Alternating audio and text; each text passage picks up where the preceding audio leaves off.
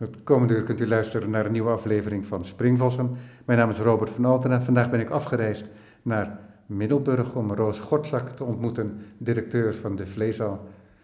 Dankjewel Roos dat je me hier ontvangt. Ja, heel erg leuk dat je bent gekomen. Ja, ja we zitten niet in de Vleesal. Het kantoor van de Vleesal is wel in de oude binnenstad, maar eh, een paar minuutjes lopen, verwijderd. En jij hebt een eigen kantoor. Ja. Daar hebben jullie nog maar net betrokken, volgens mij. En het ziet hier ook heel leeg uit. Ja, klopt. en achter jou zie ik een klassieke schal, die helemaal leeg is nu. Komen boeken. Daar komen boeken. Ja. En we hebben wel één kunstwerk hier in de ruimte. Van wie is dat? Van Afra IJsma. Het heet Sake Club. En het is een recent werk, een textielwerk, heel kleurrijk. Dus er is nog weinig in de ruimte, maar wel al heel veel kleuren in de ruimte. En in de sake-kan zitten vijf uh, mensen of vier, dat is een beetje moeilijk. Uh, en ook dieren, je ziet ook een soort van kikkers, uh, die met z'n allen leven in deze sake-kan. En ik vond het een mooie representatie van het team van de Vleeshal, die ja. gezamenlijk werken aan de tentoonstellingen. Ja. En Afra heeft bij ons ook een Rooms of Now gehad. Dat is een serie die we doen in Middelburgse huizen. En zij was daarvoor uitgenodigd en heeft in het huis van Margot Verhagen een hele interventie gedaan en heel veel werken gemaakt. Van magneten op koelkasten tot uh, wandtapijten, keramieken. Dus het hele huis stond vol. Wat mooi. Ja. ja. Over die programmering en hoe dat eruit ziet, daar komen we over te spreken. Maar sinds wanneer ben jij directeur hier bij de Vleeshal? Ja, ik ben directeur sinds oktober 2014. En mijn programma is begonnen in juni 2015 vond het ook heel fijn dat er dan tijd was om, uh, nou ja, gewoon de mensen te leren kennen, de stad te leren kennen. Ik kom niet uit Middelburg, dus je, dat je die tijd kunt gebruiken om je eigenlijk in te werken en te bedenken wat je gaat doen als begin van je programma. Ja, ja, want je bent opgegroeid in de omgeving van Bussum, vertelde je me net. Ja. Dus je komt, niet, je komt uit een heel ander gebied.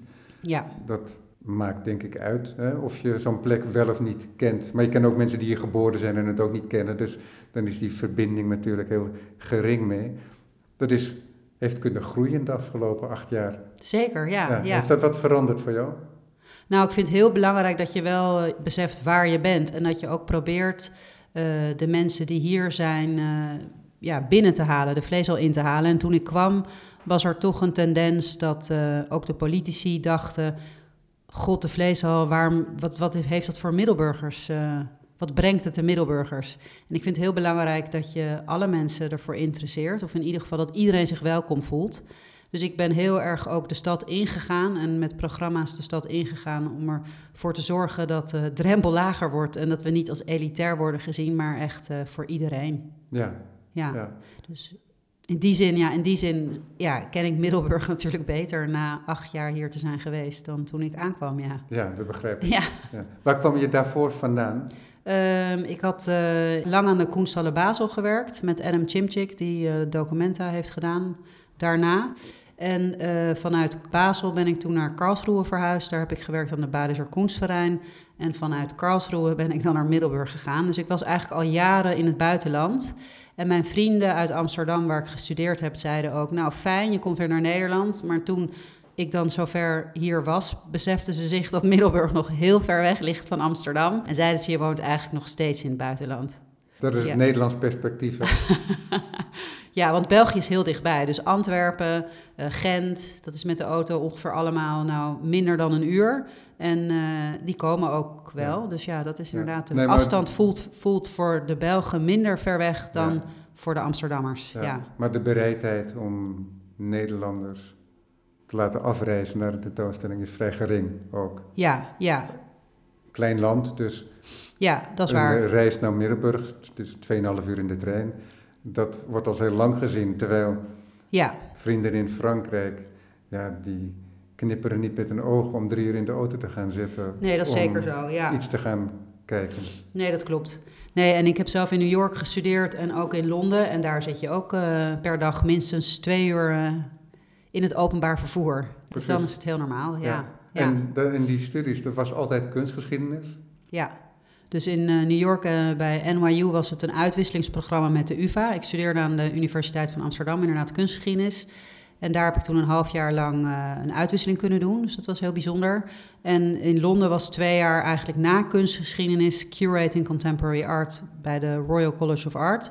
Dus dat was eigenlijk een vervolgopleiding. ja, dat is wel een veel specifieker. Ja. Eigenlijk um, toegericht op wat je bent gaan doen. Zeker, ja. Dat klopt. Ja. ja en, en hoe is het dan in de praktijk uiteindelijk? Ja, die, wel. Die overstap? Ja. Ja, ik vond het wel. Het was een, ik had ook getwijfeld tussen um, een meer theoretische uh, studie. Ik, ik, woonde destijds in New York. Ik, ik had aan uh, MoMA een stage gekregen. En ik wilde ook eigenlijk liever in New York blijven. Dat was in het jaar 2000. En ik werd ook bij Bart aangenomen. En ik kon ook critical studies misschien gaan studeren in New York. Of dus inderdaad naar Londen bij de Royal College um, gaan studeren. En ik ben uiteindelijk wel blij, ik was eerst wel treurig hoor, dat ik geen uh, geld uh, bij elkaar kon uh, schrapen voor New York of in, om in Amerika te blijven. En wel een, van de Nuffic kreeg ik een Talent Award om in Engeland te studeren. Dus dat heeft zeker mijn keuze beïnvloed, omdat ik het toch een beetje angstig vond om dan twee jaar nog te gaan studeren en daar hele hoge schulden mogelijk mee op mijn hals te halen. Dus uiteindelijk heb ik gekozen voor Engeland. En um, ik ben wel blij achteraf gezien, want dat was inderdaad ook heel gericht op de praktijk. Dus je had een groot theoretisch gedeelte, maar de andere helft was toch echt wel op de praktijk gericht. Dus we hebben ook samen tentoonstellingen gemaakt. Er waren twaalf uh, uh, studenten in totaal. En je moest in het eerste jaar een tentoonstelling samen maken en in het tweede jaar ook. Dus je bent ook wel echt al praktisch bezig. En nooit hoef je daarna meer een tentoonstelling met twaalf mensen te maken. Wat niet altijd een feest was. maar je leert er enorm veel van. En ik denk, uh, dat, ja, dat, dat, ik denk dat het een hele nuttige opleiding is geweest. En ook niet ver van de werkelijkheid daarna. Of de praktijk daarna. Want dat is toch interessant, hè? Want als je dan ten, die, dat theoretische pad was gaan volgen. Ja. Dat is veel eenzamer ook. Veel eenzamer, zeker, ja. Ja. Maar dat kan alle twee binnen één persoon natuurlijk. Maar op een gegeven moment maak je keuzes. Ja, ja. En je werkt nu met een team van hoeveel mensen? Uh, nou, het kernteam bestaat uit zes, vijf. We zijn dus zeg maar in totaal zes. En uh, dus er een hoofdtechniek, een adjunct-directeur, curatorial assistant, uh, hoofd publieksbegeleiders.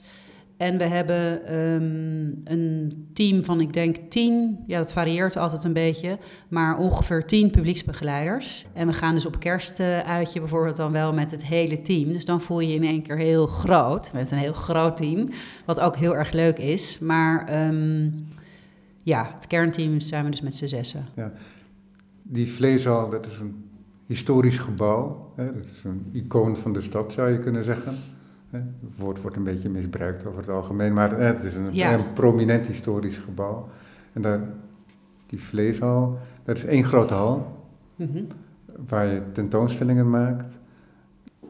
Hoeveel tentoonstellingen maak je per jaar daar? Per jaar maak ik daar vier tentoonstellingen. Eh, voorheen hadden we dus nog eh, de vleeshal. Ik heb het hernoemd. Het heette eerst de kabinetten van de vleeshal. En toen ik in juni 2015 met mijn programma begon, heb ik het eh, vernoemd en heette het Vleeshal Zusterstraat. En dat was ook in de Zusterstraat. Dat is hier ook ongeveer op dezelfde loopafstand als eh, dat we net hebben gelopen vanaf de Vleeshal naar dit kantoor. En ehm, de Vleeshal Zusterstraat, daar waren ook vier tentoonstellingen per jaar. Dus toen ik mijn programma begon, maakte ik in Middelburg acht tentoonstellingen per jaar. Maar ik heb wel ervoor gekozen om die tentoonstellingen tegelijk te openen. Zodat de mensen die afreizen hierheen één moment hebben waarop ze allebei Ja. de openingen kunnen bijwonen. En ik vond ook inhoudelijk belangrijk dat ze iets met elkaar te maken hadden. Dus bijvoorbeeld een solo-tentoonstelling met Ola Vasiljeva. Uh, dan heb ik, die heeft ook een uh, collectief dat heet Oceans Academy of Arts. En um, toen heb ik haar gevraagd om een groepstentoonstelling met haar collectief te maken, bijvoorbeeld.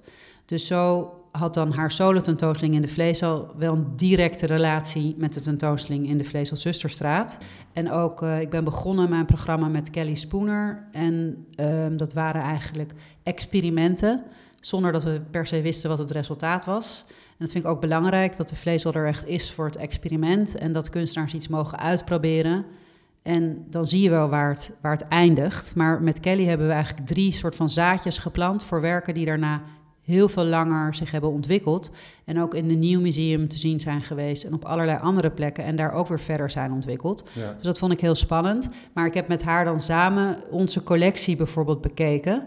eh, om daar een tentoonstelling uit te maken die in thematiek overeenkwam met de tentoonstelling in de vleeshal. Dus, maar ja, dan maakte ik dus in, in die zin wel altijd acht tentoonstellingen per Ja. jaar voor deze twee ruimtes. En toen we werden bezuinigd en niet langer de andere ruimte eigenlijk eh, in stand konden houden, toen ben ik dus overgegaan naar vier tentoonstellingen in Middelburg in de vleeshal, maar ook vier andere projecten nomadisch elders.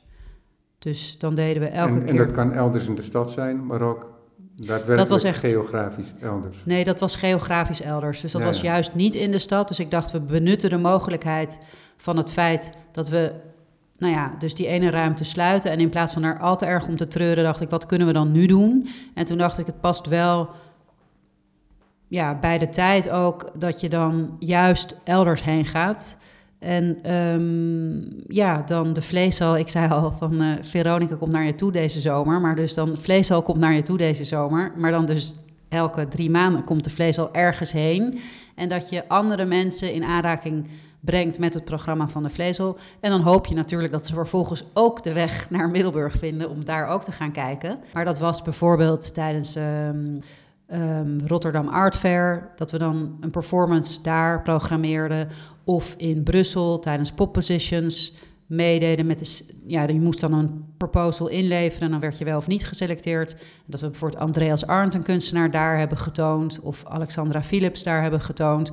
Dus op die manier eh, zochten we eigenlijk andere plekken waar we heen konden gaan en mee Ja. konden doen. En dat nomadische programma doen we dus eh, ja, sinds 2017. En sinds 2000, eigenlijk sinds dit jaar, werken we ook met echte ehm, nomadische curatoren die hun eigen programmering maken. Dus ik doe het nu niet meer. Eh, wat ik ook eh, belangrijk vind, omdat je uiteindelijk ook. eh, ik vind het belangrijk dat andere stemmen ook een podium krijgen. En je hebt zelf toch ook maar een beperkte blik en ook beperkte tijd om heel veel te zien. Mhm. Dus ik vond het heel belangrijk om dat open te stellen. En hoe hou je dan die binding met de vleeshal? Want de vleeshal heeft toch bepaalde programmering Ja. die jij schept met je team. Ja, ja, Dat werk, is dat altijd nieuw werk wat er gemaakt wordt? bijna wel. Ja, ja. Bijna wel. Dus het is altijd zo dat de kunstenaars komen kijken. Ook omdat, zoals je gezien hebt, het is een hele moeilijke ruimte eigenlijk. De bakstenen, ze, nou ja, ze vallen nog niet uit elkaar, maar ze zijn niet heel goed om iets aan de muur op te hangen. En ik vind het belangrijk dat de kunstenaars zich inderdaad met de ruimte uiteen kunnen zetten. Maar ook, eh, ja, dus niet alleen de ruimte, maar ook waar zijn we hier in Middelburg. Dus bijvoorbeeld Marina Pinsky is echt aan de slag gegaan met de geschiedenis van de hal als markt waar vlees werd verkocht. En heeft hele mooie soort van vleeskramen gemaakt met eh, zeg maar worstjes van panties en styrofoam. Heel mooi werk. En dat ging dus heel nou ja, direct in op die geschiedenis. En dat vonden de politici heel herkenbaar en ook heel mooi.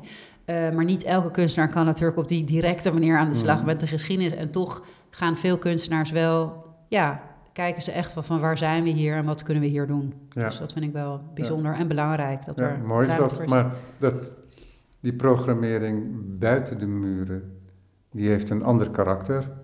En nu inmiddels ook uitbesteed aan collega's. Ja, Hoe verloopt dat? Heb jij daar nog een vinger in? Of geef je een carte blanche? nou, we hebben wekelijks overleg, dus ze vormen in die zin, dus misschien is dat, dat aantal van zes niet helemaal correct, want ik zie ook andere mensen toch wel als deel van ons kernteam, al zitten ze niet hier op kantoor, maar dus Noma Duma en Thiago, die dan het duo zijn dat onze nomadische curatoren vormt, die eh, zijn wel degelijk deel van het kernteam.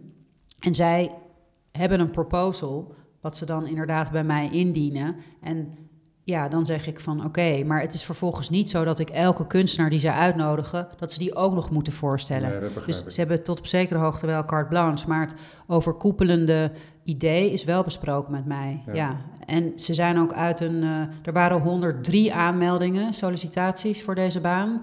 En er, zijn, eh, en er was een commissie ja, met Pablo Leon de la Barra, dat is een curator, en eh Natasha Ginwalla. En we hebben dat met z'n drieën hebben we hen gekozen. Ja.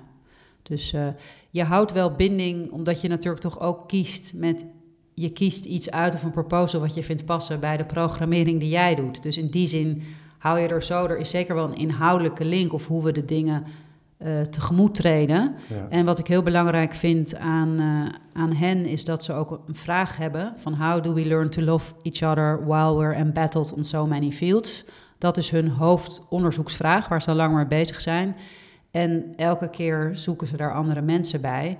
En um, ja, het experiment wat ook, of zeg maar het proces, of dat je dus niet weet waar iets eindigt, zit eigenlijk ook wel in het feit dat zij een vraag stellen als, als hun, het heet niet, weet ik veel, uh, uh, abstract art now, of ik zeg maar iets. Het, heeft niet een soort van... Het is zoekend. Ja, het is, het, het is een vraag. En wat, wat ook heel belangrijk is bij hen, is dat je het met het publiek of met de kunstenaars naar antwoorden zoekt. En heel open. En ik vind dat ook mooi. En dat vind ik ook belangrijk, ook in mijn eigen programmering, dat er ruimte is voor het experiment. En daar vinden we elkaar wel. En daarom hoef ik niet helemaal een soort van stempel te drukken op wat het dan uiteindelijk wordt. Maar we zijn wel degelijk in gesprek. Dat wel. En hoe gaat dat? Die binding met de lokale bevolking en de lokale politiek, ook niet onbelangrijk. Ja, nou, met de lokale politiek zijn we echt uh, veel verder. Dus daar ben ik heel blij mee. Je, natuurlijk, elke vier jaar verandert ook weer de lokale politiek. Dus dat, dat kan je voor nieuwe uitdagingen of nieuwe kansen uh, stellen. Dus ja, um, maar inmiddels ja, hebben we echt wel, uh, ook dankzij de basisinfrastructuur, omdat je dan landelijk wordt erkend ja, dan lokaal kunnen ze dan een soort van niet meer om je heen, toch tot op zekere hoogte. Dus dat heeft heel erg geholpen in onze lokale erkenning uh, bij de politici. Natuurlijk heb je daar niet per se de lokale bevolking mee binnengehaald met een BIS of een basisinfrastructuur, maar wel uh, de lokale politici die dan ook steeds meer het belang van kunst en cultuur inzien als het op die manier wordt gedragen door de landelijke politiek. Dus dat helpt zeker. En ja, Doordat we sinds, uh, nou ja, toch uh, ook al 2015 ben ik begonnen bijvoorbeeld met een excursieprogramma. Dat ik Zeeuwse kunstenaars vroeg om mensen te brengen naar een plek die hen inspireert in hun werk. Dat heette So You Don't Get Lost in the Neighborhood. Wat ook een beetje een eh, knipoog was naar het feit dat je hier, nou ja, of misschien wel en ik weet het niet, maar geen neighborhoods hebt. Middelburg is relatief klein. Niet zoals in New York of Londen, waar je dus dat begrip echt leeft. Maar het was naar een Frans boek van uh, Patrick Modiano. Uh, de titel was daarvan gepikt. En um, dat was een reeks van twintig excursies. Dus elke maand een excursie met een lokale kunstenaar die de lokale bevolking op ja, ergens heen bracht. En dat vond ik heel mooi, omdat je dan ook hele andere mensen die wel zin in hebben in een wandeling met iemand of uh, in een busrit, maar niet per se denken dat ze welkom zijn in de vleeshal, dan toch denken van, oh god, wat interessant, en dan ook komen kijken. Dus dat heeft zeker wel uh, ja, vruchten afgeworpen en ook mensen, nieuwe mensen naar de vleeshal gehaald. En daarnaast hebben we dan na die twintig uh, excursies zijn we begonnen met Rooms of Now, wat ik net al noemde. En dat is dus een, uh, een reeks eigenlijk artistieke interventies in huizen. Dus zoals de Vleesal ook een moeilijke ruimte is waar kunstenaars specifiek voor worden uitgenodigd om werk te maken, nodigen kunstenaars uit om specifiek werk voor een huis van een middelburger te maken. Dat is een moeilijke plek, die omarm je dan maar als uitgangspunt. Ja, ja, ja, en die huizen zijn misschien niet per se moeilijk, want die hebben dan misschien minder moeilijke muren dan de muren van de vleesal, omdat ze wel bijvoorbeeld witte muren hebben. Dus het is dan echt aan een kunstenaar om te kijken wat hij ermee doet. En we zijn begonnen met uh, een huis van de vroegere eigenaren van de drukkerij, de boekenwinkel hier. En uh, ik had Maurice van S gevraagd, een kunstenaar die nu in Rotterdam woont, uh, en foto's, hele mooie fotoseries maakt om uh, daar een werk voor te maken. En de naam Rooms of Now komt ook van zijn werk. En dat zijn fotoboeken die eigenlijk portretten zijn van huizen door zijn lens. Dus mensen hebben misschien hele persoonlijke dingen waarin zij eigenlijk zichzelf terugzien in het huis. Maar bijvoorbeeld uh, Maurice zag dan een sok onder een bed liggen en heeft die gefotografeerd wat de mensen zelf misschien niet hadden gekozen als hun soort van portrettenboek van het huis. Ja. Maar, maar hij wel. En bij dat huis van die voormalige eigenaren van de drukkerij was heel mooi dat er ook nog een uh, kinderkamer was. De zoon is al lang uh, buitenshuis, die woont niet meer thuis. Maar er hingen dus ook nog oude voetbalposters die ze gewoon nooit hebben weggehaald. En die heeft hij dan ook opgenomen in dat huis. Dus eh, in dat boek van, uh, van uh, Maurice van S. Dus dat vond ik een heel mooi begin. En dat, dat boek dat is nu in onze collectie. En dat boek is ook gegeven aan, aan deze huiseigenaren. Dus dat, dat was mooi. En daarna is er bijvoorbeeld een geluidswerk geweest met de bewoners van Eulalia Garcia Vals. Zij heeft dan echt een geluidswerk gemaakt met de bewoners.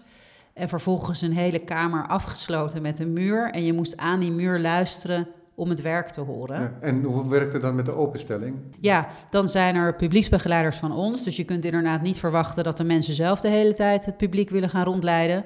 Dan zijn onze publieksbegeleiders in onze mooie vleeshaldruien aanwezig. En die uh, zijn dus ook herkenbaar en die ja, ontvangen het bezoek en leggen het werk uit. En het is in samenspraak met de bewoner hoe vaak het opengesteld is. Dus sommige mensen vinden zaterdag en zondag wel goed, anderen alleen op zaterdag. Dus dat, dat is gewoon een beetje in overleg met bewoners. Ja, daar ben ik niet te strikt in. En het leuke daaraan is, is dat er dan juist weer, weer hele andere mensen komen, omdat het dan vaak de familieleden, vrienden, gewoon allemaal andere mensen om zo'n huis heen en om de familie in het huis heen. informeel. Dus ja. misschien is de drempel daardoor ook wat kleiner. Ja. Kan ik me voorstellen. Zeker, ja. ja. Dus dat... dat uh... Al is die entree zo aan de markt gelegen, dus je loopt ook vrij gemakkelijk de vleeshal binnen. Je loopt vrij... En zeker mijn eerste ingreep toen ik hier kwam in oktober 2014 was een soort van glazen... Je, normaal liep je binnen tegen een glazen ja, afscherming aan. Eigenlijk stond je in een glazen hok en je kon door dat glazen hok naar de tentoonstelling kijken. Met het gevolg dat heel veel mensen alleen maar door dat glazen hok naar de tentoonstelling kijken en omdraaiden en weer weggingen. Dus je kon niet eens met deze mensen communiceren. Dus dat heb ik als eerste afgebroken. Dat was dan niet toen mijn programma begon, maar wel dat was gewoon de eerste ingreep. Ja, want nu als je binnenkomt heb je direct contact met de mensen van de vleeshal. Ja. En dat werkt heel goed. Ja. Want ik werd heel goed ontvangen. Mooi zo. Ja, nee, ik vind dat heel belangrijk dat er een mogelijkheid tot gesprek is. En tuurlijk heb je best veel mensen die inderdaad op de markt ja, wandelen en inderdaad voor de monumenten. Het is natuurlijk een uh, heel dicht bezaaid met monumentenstad, Middelburg. Dus dat ze voor de monumenten komen of aan het winkelen zijn op de markt en doorlopen en dan helemaal niet weten waar ze terechtkomen. En het ook meer als een kerk zien dan als een centrum voor hedendaagse kunst. Um, en daarom heb ik inderdaad nou ja, dus dat hok is weg, maar op een gegeven moment wel een muur neergezet waarop mensen kunnen lezen Centrum voor Hedendaagse Kunst en alsnog kunnen omdraaien. Maar dan is er inderdaad wel een publieksbegeleider die zegt van god, misschien kunt, kan het u toch interesseren. En zo krijg je toch weer mensen binnen. Ja, ja. ja. en die muur, daarover vertelde je me dat je voor elke tentoonstelling contact hebt met werkplaats voor typografie. Ja, ja. Ja, want ik vond het ook mooi om uh, inderdaad niet uh, nieuwe directeur, nieuwe huisstijl. Ik heb me wel gehouden aan nieuwe directeur, nieuwe naam. Want ook ik heb de naam veranderd, maar goed, uh, minimaal. Dus niet meer de vleeshal met hoofdletter D, maar gewoon vleeshal. Um, en dus inderdaad niet de kabinetten van de Vleesal, maar Vleesal Zusterstraat, toen we die nog hadden. Maar inderdaad, qua huisstijl wilde ik me niet uh, vastleggen van nieuwe directeur, nieuwe huisstijl. En ben ik gaan samenwerken met de werkplaats typografie om voor elke tentoonstelling te kijken waar is de kunstenaar mee bezig en welke grafische vormgever is met vergelijkbare thema's bezig en hoe kan het een vruchtbare samenwerking zijn voor beide partijen, eigenlijk voor de grafische vormgever en de kunstenaar. Nu was het wel zo dat na een paar jaar het duidelijk werd dat dat ook heel veel vraagt van mij, omdat je dus elke keer met een nieuw iemand van doen hebt en daarnaast, eh, ja, dus dat, dat is elke keer weer, dat vind ik ook leuk, maar het is best een intensief proces. En daarnaast er soms advertenties voor Metropolis M nodig waren op het moment dat de grafische vormgeving nog niet klaar was, of de identiteit van die tentoonstelling. En wat doe je dan? Dus toen hebben we uiteindelijk in samenspraak met de werkplaats besloten dat er één iemand wordt gekozen voor een half jaar, zodat ook die tussenliggende advertenties gedekt zijn. Ja, precies. Ja. En dan bouwen wat, zij. En wat ook mooi is natuurlijk, omdat er dan continuïteit opgebouwd kan worden. Ja, maar dan heb je dus niet meer wat ik eerst in eerste instantie heel mooi vond, die specifieke inhoudelijke connectie tussen de grafische. Want, maar goed, je zou ook kunnen zeggen, overal valt altijd wel een lijn in te ontdekken. Ja, dat, ja dat, zo gebeurt dat wel. Ik heb een tijdje een programma gemaakt met drie gasten per uur. Ah ja. Ik heb ook wel eens drie uur achter elkaar op die manier gedaan. En dan leek het net alsof dat helemaal thematisch was ingedeeld. Ja. Maar ik had het in mijn eentje gedaan, dus het was volledig onmogelijk om dat op die manier te programmeren. Maar er zijn altijd connecties Ja. die zich aandienen. Jawel, ja, En daar kan je altijd een mooi verhaal van maken. zo is het. ja, nee hoor, dat denk ik ook. Ja, ja. Maar wel een mooi initiatief vind ik dat. dus op die muur. samenwerking. Ja, en op de muur heb je dus inderdaad elke keer. eh, ja, ook de grafische identiteit van de tentoonstelling is dan ja, in andere typografie, andere kleuren, afhankelijk van wat er verder als posters en, eh, en uitnodigingen wordt gemaakt. En dat is ook relatief uniek, want best weinig eh, ruimtes of eh, kunstinstellingen maken nog fysieke uitnodigingen. En ik vind dat heel belangrijk dat we dat ook maken, omdat ik het ook gewoon hele mooie hebben dingen vind. Ja. Ja, en belangrijk dat dat op je mat. Ik houd ook van een fysieke krant en ik houd ook van fysieke uitnodigingen en posters in de stad. Ja, dus dat maken we altijd nog. Jij noemde zojuist de collectie van Oh ja, ja. Ja. Wat voor collectie is dat? Ja, dat is een collectie die is opgebouwd in de jaren negentig toen Lex ter Braak hier nog directeur was. Toen zou er een museum voor hedendaagse kunst komen in Middelburg. Ehm, de architecten waren Hanny en Aldo van Eyck. En de kantine ja, zou een hele mooie Karel Appel gaan eh, bevatten.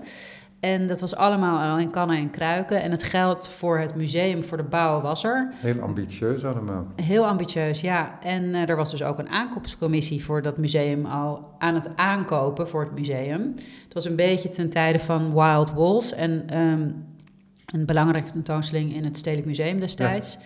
En, Door eh, Martijn van Nieuwenhuizen en Leontien Koelewijn. Koelewijn. Ja, en Leontien Koelewijn zat bij ons in de aankoopcommissie. Dus bijvoorbeeld Arnoud Mik is toen aangekocht. Pipilotti Rist is aangekocht. Ja, die zaten inderdaad in de tentoonstelling ook. Ja, ja. en eh Marijke van Warmerdam is aangekocht. En ehm, dus in die tijd is, is, zijn er allemaal werken aangekocht voor die collectie. En voor, ja, voor die collectie van dat nog te bouwen museum. En vervolgens was er geen geld voor de exploitatie van het museum. En werd het ook steeds duidelijker dat de politiek zich er niet achter ging scharen. En toen zei Lex ter Braak terecht van als, als we de, ja, we kunnen het gebouw wel neerzetten, maar als we er niks mee kunnen doen en we hebben daar geen geld voor, dan moeten we dat gebouw ook niet neerzetten.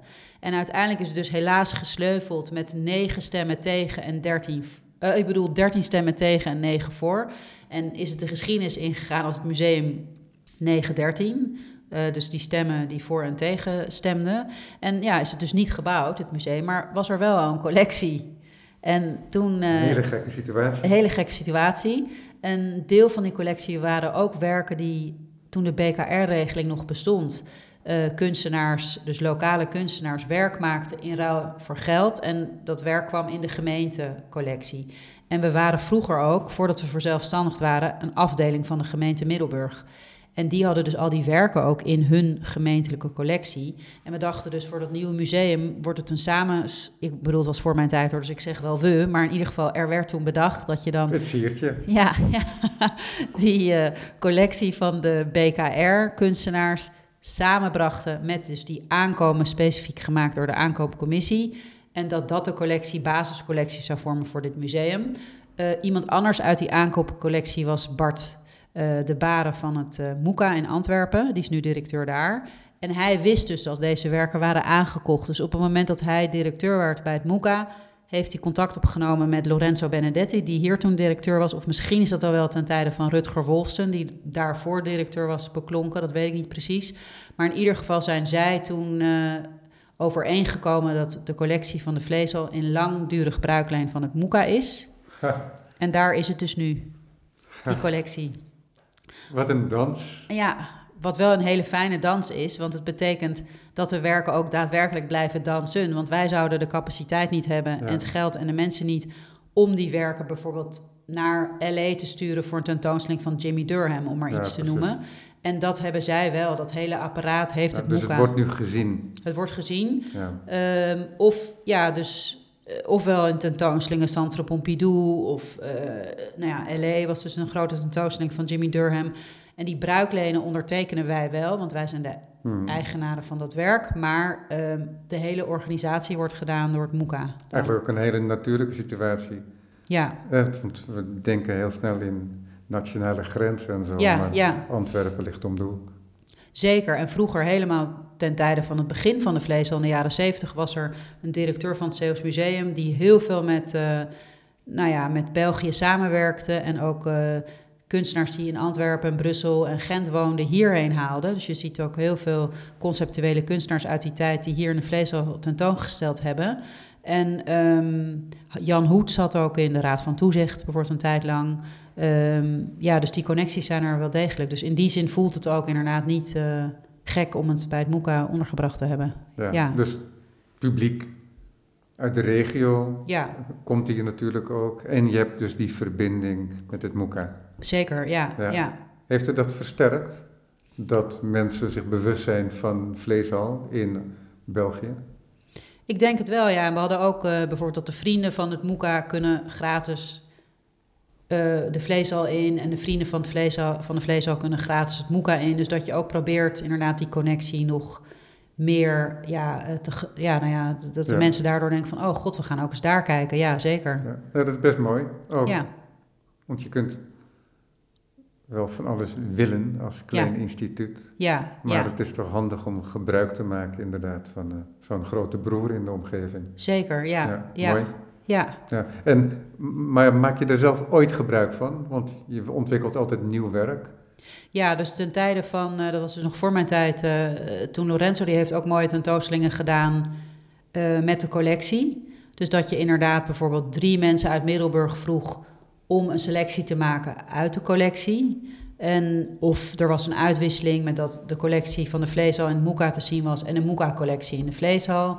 En mijn eerste tentoonstelling toen ik in juni 2015 begon, dus die dus parallel liep aan eigenlijk de experimenten van Kelly Spooner in de vleeshal, was dus met Kelly Spooner naar het Moeka gaan om onze hele collectie te bestuderen. Wat voor mij dan ook eigenlijk research was op dat moment, want ik kende de collectie ook nog niet goed. En te kijken of we het thema, want de tentoonstelling heette On Full Stairs and Outsourcing. Dus het ging heel erg over hoe e emotie wordt ingezet, maar ook fout wordt ingezet om doelen te behalen.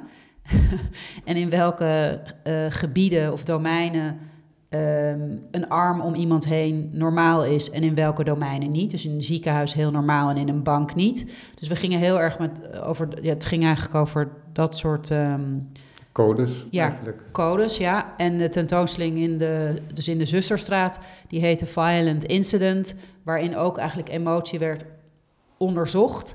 En met die thema's zijn we dan onze hele collectie gaan bekijken. En uiteindelijk kwamen we bij veel werken van het Moeka uit die we dan hebben getoond. Dus weinig van onze eigen collectie uiteindelijk. Maar goed, um, dat had ook gekund. Ja. ja. En hier, uh, soms werd het ook ingezet op het moment als je een boek maakt, bijvoorbeeld, dan ben je veel tijd kwijt aan een boek. En dan kan je niet ook nog elke drie maanden een tentoonstelling ontwikkelen. Dus dan zou je ook kunnen teruggrijpen op een werk uit de collectie à la Pipelotirist en dat laten zien. En dan nou ja, heb je tijd om een boek te maken als je een klein team hebt. Dus dat is voorheen ook wel gebeurd. En tijdens corona heeft Julia Millier uh, ook uh, drie tentoonstellingen gemaakt met werk uit de collectie. Omdat het toen ook een beetje ingewikkeld was om grote tentoonstellingen uit Noorwegen kregen we het werk bijvoorbeeld niet. Ik had een uh, solo tentoonstelling met Sandra Mujinga bedacht, maar we kregen het werk tijdens corona niet. En toen was het wel heel mooie oplossing, omdat het niet ver weg is naar Antwerpen, om dan zelf op die manier toch iets aan te bieden aan het publiek. Maar het is niet zo, omdat we inderdaad een centrum voor hedendaagse kunst zijn, vertroebelt het tot op zekere hoogte ook onze identiteit. Want we zijn echt geen museum. Dus ik zeg altijd ook tegen de publieksbegeleiders: je kunt communiceren dat we een centrum voor hedendaagse kunst met een collectie zijn. Maar met die collectie doen we eigenlijk niks. Of nauwelijks iets, omdat ja, onze hoofdtaak gewoon ligt bij het verder ontwikkelen van de hedendaagse kunst. Ja. Ja, dus dat is wat we toch voornamelijk doen. Ja, ja en dat is een prachtig avontuur. In dat avontuur kom jij daarin nog toe aan schrijven? Um, ja, dat is best uh, voor schrijven. Wat je zei ook, van je kunt een kant kiezen theoretisch of praktisch. En inderdaad, voor schrijven heb je wel ruimte nodig, vind ik altijd. Dus als je heel erg uh, ja, bezig bent, toch ook met productie en uh, in gesprek bent, dan is schrijven relatief moeilijk, vind ik. Ik heb wel mijn eigen ruimte nodig. Ja, maar dat we zijn ik nu... ook van collega's van jou, Lisette Pelsers, die ik volgens mij in het voorjaar sprak. Die zei dat ook, dat ze er eigenlijk niet meer aan toe komt. Of nauwelijks. Nauwelijks, ja. Dus ik moet mezelf daar ook echt toe verplichten. Maar bijvoorbeeld de laatste e-flux van Alice Slingstad heb ik wel zelf geschreven. Ik vind schrijven heel leuk. Ik heb ook veel geschreven. En een tijd, tijdje lang was ik dan uh, uh, nou ja, criticus bij de Volkskrant. dat is ook leuk als uh, familie ja, zoveelste familielid in de krantenwereld. maar goed. Vader, een oom. Waar, vader en een oom. Maar um, daar ben ik toen weer mee opgehouden. Maar ik heb ook veel geschreven voor Metropolis M en voor Engelse bladen. Ik, ik hou heel erg van schrijven. Dus ik vind het dan ook jammer als inderdaad nou ja, de dagelijkse praktijk van directeur-curator. Want dat is ook nog zoiets. Ik ben natuurlijk niet alleen maar curator, maar ik ben ook directeur-bestuurder. Dus je hebt ook je team te leiden, de organisatie van de financiën, gewoon al die dingen. Ja dan wordt schrijven inderdaad best moeilijk. Maar nu we uh, nieuwe publicaties maken, dankzij corona eigenlijk, hebben we geld wat we niet konden stoppen in onze internationale programma. Herbe, eigenlijk ja, andere besteding voor bedacht. En boeken die we al heel lang op de plank hadden liggen, die we graag wilden maken, maken we nu. En dan schrijf ik wel de voorwoorden van die boeken. Ja, precies. Dus dan heb je toch en dat is dan niet een voorwoord waarin ik alleen maar schrijf en dank aan die en dank aan die, want dat vind ik saai om te schrijven. Ja, want het eerste wat ik eigenlijk doe bij het openslaan van een, van een catalogus bijvoorbeeld, is het overslaan van de voorwoorden. Ja, doe dan niet voor onze boeken, want dan kun je nog ik, ik hou, hopelijk, hopelijk verrast worden. Nee, want ik vind dat ook altijd heel saai en daarom schrijf ik altijd andere voorwoorden. Meer een soort van instructie hoe het boek... Het zijn ook echt kunstenaarsboeken en belangrijk is dat het geen maar daar merk je ook al, denk ik, of mensen graag schrijven. Want ik ben wel eens bij een paar presentaties geweest, openingen in Krullenmuller. Ja. En Lisa Tepelsen, zoals ja. ik al zei. En zij heeft echt een inhoudelijk verhaal. Mhm. En niet uh, de positie van de bestuurder uh, die um, de feestelijkheden inleidt. Ja, ja, precies. Nou, en die vind je toch ook. En ik heb ook collega's van je gesproken in deze reeks die zeggen dat maken van die tentoonstellingen, dat is voor mijn team. Ja. En ik bestuur. Ja. Ja. Dat kan ook. Dat kan ook, ja. Nou, dat wil ik dus niet. nee, dat is duidelijk. ja, maar want ik, ik, ik, vind het heel erg leuk juist met de kunstenaars te werken. En ik hou echt van uh, met kunstenaars werken en samenwerken te ontwikkelen. En ik, ik zie mezelf ook echt als klankbord. Ik heb natuurlijk ook heel veel gezien in al die jaren dat ik hier nu al me beweeg in de kunstwereld. En deel ook dat graag, maar laat me ook elke keer weer. Ik leer ook elke keer natuurlijk bij, doordat je weer samenwerkt met nieuwe mensen. Dus ik vind dat echt een essentieel deel van mijn uh, werkzaamheden. En omdat we steeds groter worden, dankzij dus de BIS, wat ik ook heel fijn vind, maar komen er ook dingen bij als de codes, uh, die heel belangrijk zijn, waar ik ook echt in geloof en waar we ook al voordat er codes moesten zijn, ook eigenlijk al wel naar leefden, vind ik. Dus fair practice en uh, diversiteit en inclusie, tot zover we dat kunnen doen. Maar uh, nu hebben we een adjunct-directeur sinds kort en zij assisteert mij dan of ondersteunt mij bij ook dat soort onderwerpen, zodat ik wel weer meer tijd vrij krijg voor dat inhoudelijk artistieke. Ja, maar we zijn, we zijn te klein voor een zakelijk directeur, dus we hebben echt wel bewust gekozen in de organogram voor een adjunct-directeur. Ja, maar dat helpt wel enorm. Ik ben heel blij dat ze er is. En uh, dat dus sommige portefeuilles dan ook bij haar komen te liggen. Ja, want ik heb bij jou, er is een vraag die ik, ik stel eigenlijk in deze reeks bijna nooit dezelfde vraag. Ah, ja. Maar één vraag die ik wel voortdurend stel, maar die ik bij jou niet stel. En dat doe ik dan langs negatieve weg dan toch maar. Oh ja, is, ja. Wanneer zag je voor jezelf dat je bestuurder wilde worden? Ook in de kunst. En dat is bij jou niet het geval, want jij nee. bent als tentoonstellingsmaker de kunstwereld in gegaan.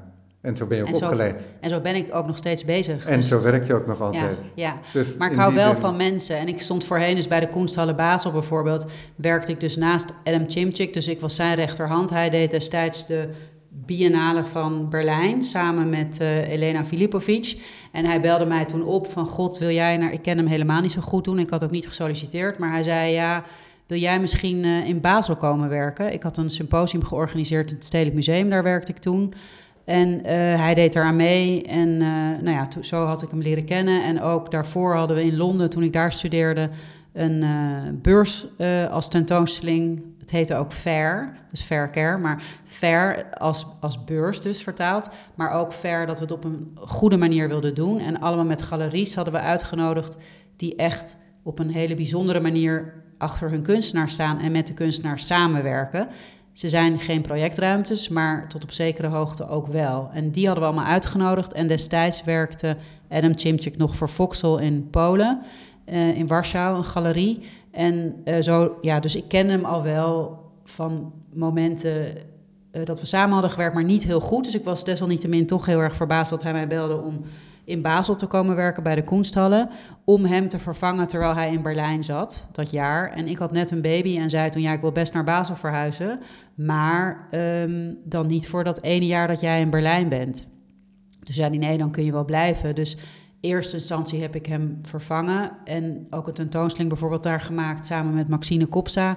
Eh, omdat er nog wat gaten in de programmering waren toen. Dus dat was ook heel spannend. En daarna was ik meer zijn rechterhand en hielp ik ook meer met het team, de raad van toezicht. Dus heel veel andere taken waar hij... Ik was geen zakelijk leider, maar ik, ik Ja. hielp daar wel. Ik ondersteunde wel een daarin. bestuurlijke functie Ja, ook. ja. tot op zekere hoogte. Dus, en ik dacht van, het ligt me ook wel. En ik hou heel erg van mensen en van met mensen samenwerken. Dus ja, ik vind, en, en je kan natuurlijk wel een koers bepalen als je Mhm. bestuurder bent. Dus ja, ehm, dat vind ik ook bijzonder aan zo'n rol. Dat je daardoor gewoon echt van waar wil ik dat deze organisatie heen gaat en op wat voor manier. En inderdaad, werkomstandigheden, daarom hebben we ook meegedaan aan werktitel, vind ik ook heel belangrijk. Dat de werkomstandigheden kloppen. Dus ja, ik voel me in die zin wel gedreven, omdat binnen een kunstinstelling... Ik heb natuurlijk zelf ook andere eh, situaties meegemaakt toen ik nog geen bestuurder was. Dus dat je daar echt een stempel op kunt drukken, vind ik heel fijn. Ja. En ik weet niet of je dat kunt doen als je alleen curator bent, want dan is de manier waarop de mensen met elkaar werken op de werkvloer of hoe een organisatie zich naar buiten eh, presenteert natuurlijk niet aan jou. Dan werk je onder iemand anders. Ja.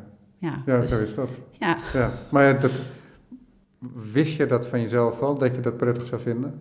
Besturen. Ja? Ja, ik denk dat krijg je op de lagere school al een soort van eh, Ja, sommige mensen ontdekken het heel laat. Die waren eh, bien étonnés. bien étonné. Ja. Nou, ik weet niet. Ik, had ook, ik werd ook gevraagd om op een gegeven moment om de, dus na de studie van kunstgeschiedenis de appel te gaan doen in Amsterdam. En toen dacht ik van nou, dat ga ik zeker niet doen. Want dan ben ik iedereen aan het rondleiden en iedereen alles aan het laten zien. Dus omdat je dat dan soort van in je hebt, of dan ja, bestuur je zo'n groep, maar niet per se van dat je zelf dan meer inhoudelijk eh, Ja. leert. Dus ik ga zeker niet in Nederland blijven en die curatorial opleiding van de appel doen, maar juist naar het buitenland om niet in zo'n valkuil te stappen. Dat je dan ja, voor de anderen gaat zorgen of gaat besturen. Maar eh, nee, ik denk, eh, ik, hou al, ik hield altijd al van dingen organiseren en mensen bij elkaar brengen en dingen gedaan krijgen. Dus ja, dat tijdens je studie of ik zat ook in Ja, het dus dat, dagelijks dat bestuur. komt eigenlijk allemaal samen ook in je taak nu. Zeker. En ik zat ook in het dagelijks bestuur, bijvoorbeeld eh, bij de UvA voor kunstgeschiedenis. Dus dan ben je ook al heel erg bezig met van hoe moet deze opleiding ja, eigenlijk zijn? Waar kan die naartoe gaan? Met de professoren deed je dat dan samen. Ik zat altijd wel in besturen overal, ook van de roeivereniging. Ja. ja. Eh, re- redactie van het blad, kunsthistorisch blad, simulacrum, 3,5 jaar gedaan. Ja, dus dat vind ik wel leuk. ja. Kun je wat vertellen over die tentoonstelling die nu te zien is nog in de Vleesbal? Ja, Want ja. op het moment dat dit uitgezonden wordt, is het nog net een week te zien, Ja, die tentoonstelling. Ehm, een Noorse kunstenaar, denk ik, hè? ja, klopt. Alice Slingstad.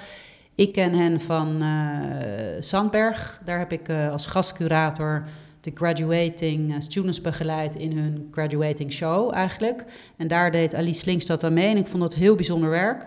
En toen heb ik Alice uitgenodigd om inderdaad hier een tentoonstelling te komen maken. En eh, het feit dat het een vleesmarkt was, heeft zeker wel invloed gehad op het werk. Alice was al langer bezig met de taal die wordt gebezigd op datingapps. En ook wat de ruimtes zijn voor mensen die zich dus als hen identificeren. Als je niet een kruisje zet bij man zoekt vrouw, vrouw zoekt man, waar zet je dan je kruisje? Dus wat voor ruimtes zijn er eigenlijk en hoe bepalend? Inmiddels heb je op datingapps, weet ik veel hoeveel verschillende categorieën, wat dan ook een soort van, ja, ook niet meer, niet meer te doen is. Dus dat vond ik ook niet per se aanmoedigend. Want dan heb je echt zoveel verschillende categorieën. Ja, dat het een soort van taking the piss out of als je dus niet je als man of vrouw identificeert. Dus dat vond ik ook niet helemaal goed. Maar dus om over dat soort mechanismes na te denken. Maar kennelijk is dat ook een consequentie van het feit dat je een steeds verdere opsplitsing krijgt. Dat mensen zich niet in een bepaalde categorie vinden passen. Ja, ja. Dus dan krijg je weer een categorie extra. Dus het is ook een Zeker, ja. consequentie daarvan. Maar je zou ook kunnen denken dat je doet man, vrouw, anders. Of Ja, maar, dat je niet maar, per se... Maar, maar ja, precies. Maar dat is kennelijk ook onbevredigend dan. Het is weer een hele Ja. andere discussie natuurlijk. ja, maar, maar, het is wel interessant om over dit soort dingen ja, na te denken. En dat, ja, daar, daar was Alice sowieso al mee bezig. maar het is ook een reflectie op eh, die hele identiteitspolitiek Ja, ook. Wat, wat voor consequenties dat kan hebben. En dat het ook hele gekke consequenties kan hebben. hele gekke consequenties. Want ook als je als homo he, him kiest... maar je voelt je niet bij he, him... denk je toch een beetje aan een macho... Nou, of tenminste, Dat- dat Ik weet niet, dat hoeft maar- niet. Maar je vult Maar het nu in. Het he, him, zou je, Ja. zou je kunnen denken aan een soort van macho man, he, Ja. him. En wil je dan, als je geen macho man bent, als he, him onder je handtekening staan. Dus wij hebben ook nog lang nagedacht of we überhaupt onder onze handtekeningen nu she, her, he, him. Want dan ben je ook weer zo bezig met hokjes. Terwijl als alles fluïde is, zou je dat misschien ook helemaal los kunnen laten. Dus daar, we, we struggelen daar ook nog wel mee. We hebben uiteindelijk Ja. gekozen dus om het er nu wel onder te zetten, om het überhaupt deel van een bewustzijn. Bij veel mensen, of nou ja, Dus er wordt, een, er wordt een kritische positie om het wel gewoon aan te geven. Ja, om, om inderdaad ervoor te zorgen dat veel meer mensen zich bewust zijn van de keuze van taal ook. En ja, dat je er maar van uitgaat dat iedereen een he of, he of she is. Ja. En als je dat dus eronder zet, zorg je ervoor misschien dat het überhaupt discussie aanwakkert. Nou ja, hoe dan ook. Daar ging inderdaad de tentoonstelling tot op zekere hoogte ook over. Maar voornamelijk ook over taal en hoe je jezelf representeert via beelden en taal. Want het was ook zo dat Alice zei, in Noorwegen heeft iedereen een foto van zichzelf die aan een berg hangt. Terwijl sommige mensen houden misschien helemaal niet van bergklimmen. En toch zul je om gelijk te worden zo'n foto moeten hebben. Want anders kun je het vergeten in Ja, de ja, in de soort van. eh, dus hoe je op zoek gaat naar intimiteit en liefde. Ja, zonder dat je je wil conformeren aan dit soort foto's, tekst. Iedereen is open-minded, bijvoorbeeld. Van, dat zegt dan ook helemaal niks meer. Dus, dus het werk wat je nu te zien, wat nu te zien was, in, of nog is, dus nog een hele week, kom allemaal kijken, een hele week te zien is in de vleeshal, zijn dus inderdaad eh, hele grote schermen van glas. Ja, dat zijn, dat zijn ehm, twee schermen. Ja, soort Elk bestaande uit vier panelen Ja. die in een soort W Ja. zijn geplaatst in de Ja. ruimte, centraal. ja. Dus ze vormen samen ook weer een soort plein. Maar Ja. dat plein dat wordt af en toe opgeheven ook, omdat die panelen zo'n systeempje hebben Ja. dat ze of melkglas worden of helemaal helder. Ja. En daarop worden weer termen geprojecteerd die ook uitgesproken worden. Ja, gedeeltelijk uitgesproken en soms zie je het niet, maar hoor je het wel. Dus het gaat ook over zichtbaarheid en onzichtbaarheid. Wie mag zichtbaar zijn, wie onzichtbaar, wie mag hoorbaar zijn, wie niet. Je hebt ook op die dating apps nu de functie dat je je stem in gaat spreken, bijvoorbeeld. Van, en wat zegt zo'n stem dan? Dus ze proberen ook andere manieren van representatie. Dus dan, en ja, en hoe, en dat, het gaat er ook heel erg over van hoe snel oordeel je? Want Ja. ga je iemand beoordelen op zijn, haar, hun stem of niet? Maar goed, wat ik dus heel mooi aan dit werk vind, is dat er dus heel veel gelaagdheid in zit, maar ook heel veel humor. Ehm, dus als je inderdaad de, de 25 minuten van het werk ziet, het is een loop. Maar je, je wordt je ook heel erg bewust van je eigen positie binnen dat werk. Want je zit te midden van die woorden. En je kijkt eigenlijk ook naar, rechts, naar links en rechts naar die schermen. Die soms inderdaad, zoals je al zei, transparant worden. En dan zit jij in één keer eigenlijk voor de bezoeker die aan de andere kant van het scherm staat. Ook, nou ja, niet naakt, maar toch te, ja, ben jij in één keer Ja. onderdeel van het werk. Ja. En dus het gaat er ook heel erg over dat je je bewust wordt van je eigen positie daarbinnen. Van wie ben ik en waarom en hoe en nou ja, kortom, al die vragen. Ja, en die hal Ja. die is in schemer ja, gehuld en heeft wel wat voetlichten ja, ja, tegen de muren geplaatst, waardoor er toch ook een beetje een nachtclubsfeer ontstaat, een Ja. avondsfeer, ja, waardoor je toch helemaal opgenomen wordt ja, in die installatie ook. ja, En net als wij zitten hier in die kleine ruimte en we hebben twee rijen TL-balken boven zijn hoofd. ja. Dat heeft ook- Hele mooie TL-balk. En dat, ja, dat- pra- eh, prachtig. We zijn eh, ja, net eh, uit Zurich aangereisd. Dus het, om, om juist niet normale TL-buizen te hebben. Nee, het is waarschijnlijk ook geen TL misschien, Nee, maar... het is LED. ex- exact. ja, ja, maar goed, het Maar het zijn achterzijde. langwerpige Ja, lichtbalken ja, boven het hoofd. Maar dat- dat verandert een atmosfeer in een, in een ruimte.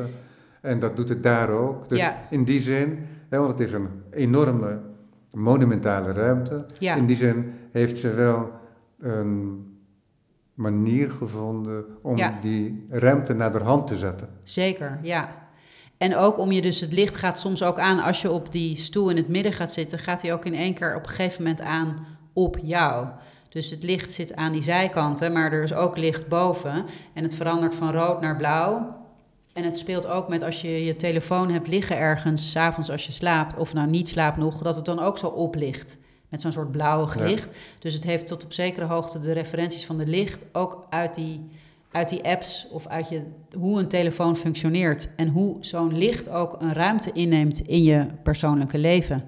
Want Ja. apps hebben ook een rood. Ik bedoel, Tinder is geloof ik rood. Dus als je daar iets van krijgt, dan ligt het rood. Oh, dus dan Dus- weet je meteen al aan het kleurlicht. Nou, tot op zekere wat- hoogte, Wat ja. voor app het zou kunnen zijn. Ja, Oh ja. ja. Dus, eh, en inderdaad, eh, als berichtjes oplichten. Nou ja, dus gewoon hoe, hoe eigenlijk zo'n soort eh, ja, af, afwezig... Ik bedoel, de persoon is niet in je kamer aanwezig... maar zo'n soort aanwezigheid van licht ook, ja. Ja. De afwezigheid van een lichaam. Maar ja, Hey, Dus Roos, hoe lang duurt zo'n traject met zo'n kunstenaar? Met Alice eh, bijna wel een jaar. Ja, dus het hangt er een beetje van af. eh, eerst wilden we de tentoonstellingen open in mei. En toen dachten we, nee, we zijn er niet klaar voor. Dus hebben we het verschoven naar september.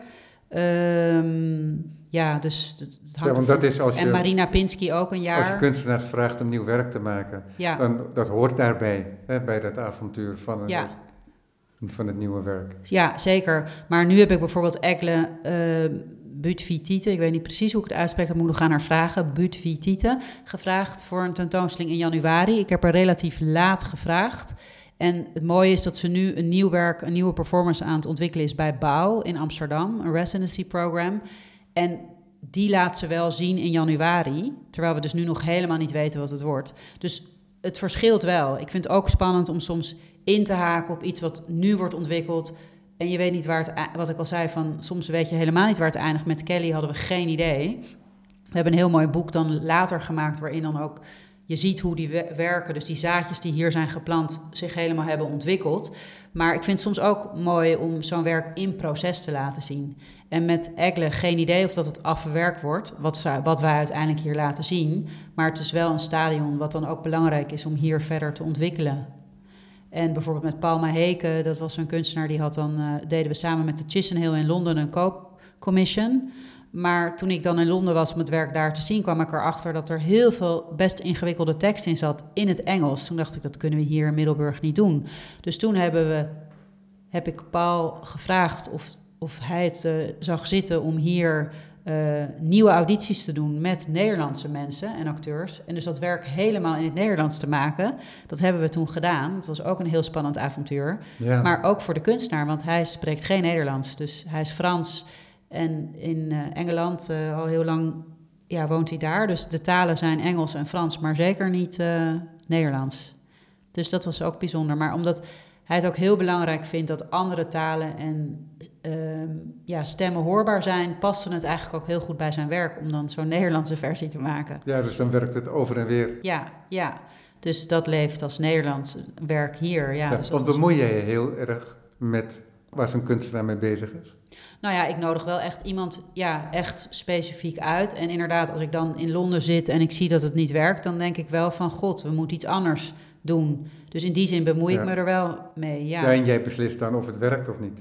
Ook. ja of Ja, ik want zei, is- ja, maar dat is altijd wel een gesprek. Dus want, ik want zei, heel vaak is het, sorry dat ik je zo onderbreek, Ja, ja, nee, maar nee, prima, kijk, ja. als een kunstwerk in ontwikkeling is, ja. dat is vaak een heel wankel, onevenwichtig geheel nog. ja, En je kunt niet altijd zien nog ehm, wat het zou kunnen worden. ja, En soms moet je dingen ook laten gaan. Dus dat is iets. Dat is een soort gevoeligheid die je zelf moet hebben. Om te zeker. kijken wanneer je wel hard, Ja. hard ingrijpt. Of wanneer je denkt van nou, misschien met een zetje en dan komt het wel goed. Ja, ja.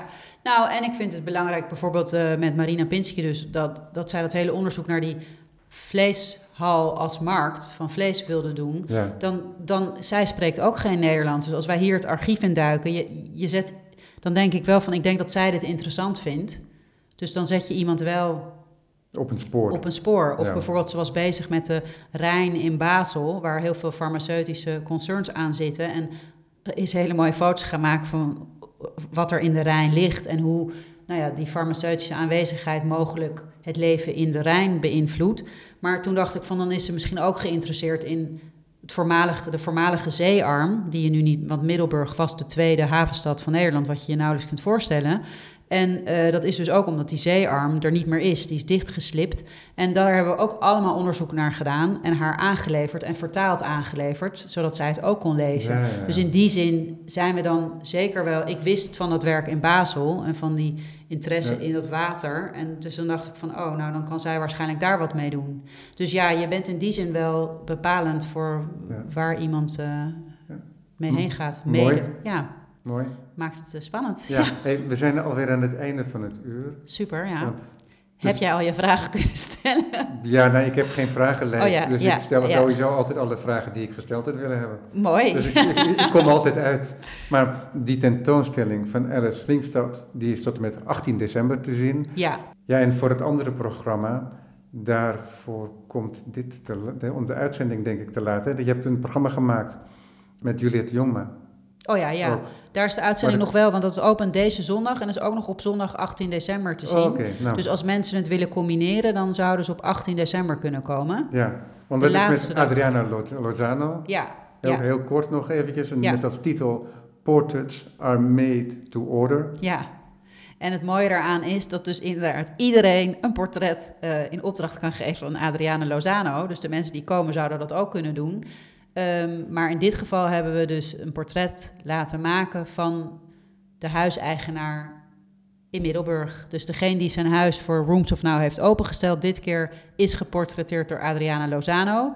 En Adriana Lozano komt niet, zoals jij hier naar Middelburg bent gekomen om live een eh, interview af te nemen, komt zij niet eh, naar iemand toe en tekent die. Maar ze kijkt naar foto's op social media om, om vervolgens een portret te maken en stuurt een vragenlijst. Bijvoorbeeld van wat is je favoriete kledingstuk, wat eet je het liefst. En aan de hand van die vragenlijst en aan de hand van de foto's die ze vindt online, maakt ze een portret. Ja, dus ook weer een zekere relatie met Tot wat er in de Alice, vleeszaal ja, te zien is. Zeker, ja. Ja, mooi.